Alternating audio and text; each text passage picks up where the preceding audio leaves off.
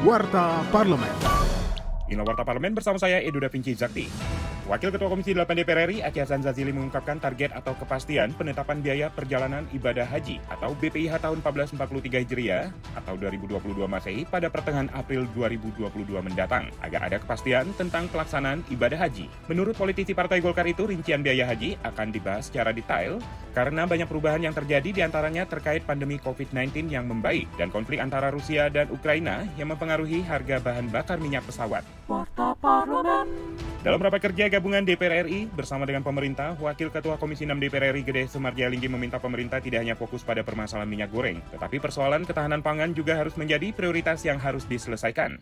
Saya minta juga ini tidak hanya persoalan minyak goreng, tapi persoalan ketahanan pangan kita. Ini mesti kita tuntaskan dari hulu sampai hilir. Maka ini kita perlu bahas lebih tuntas tentang ketahanan pangan. Bahkan saya minta nanti dihadirkan juga Badan Ketahanan Pangan yang telah terbentuk. Sehingga perlu kita undang juga untuk paparan tentang Badan Ketahanan Pangan tersebut. Ya, termasuk Bulog mungkin bisa diundang nanti. Bahkan nanti kita akan tuntaskan masalah hulunya adalah mungkin pupuk, masalah hilirnya nanti di perdagangan dan perindustrian. Kinerja Wakil Rakyat kunjungi laman dpr.go.id.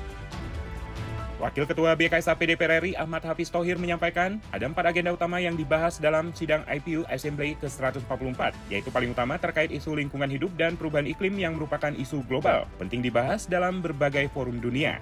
Selain itu, politisi Prasipan tersebut mengingatkan IPU ke-144 di Bali akan mengutamakan protokol kesehatan yang tetap diterapkan selama persidangan berlangsung dengan memberikan PCR dan antigen kepada semua delegasi. Jika hasilnya negatif, maka dapat mengikuti sidang IPU. Televisi Radio Parlemen. Demikian Warta Parlemen, Produksi TV dan Radio Parlemen, Biro Pemberitaan Parlemen, Sejen DPR RI.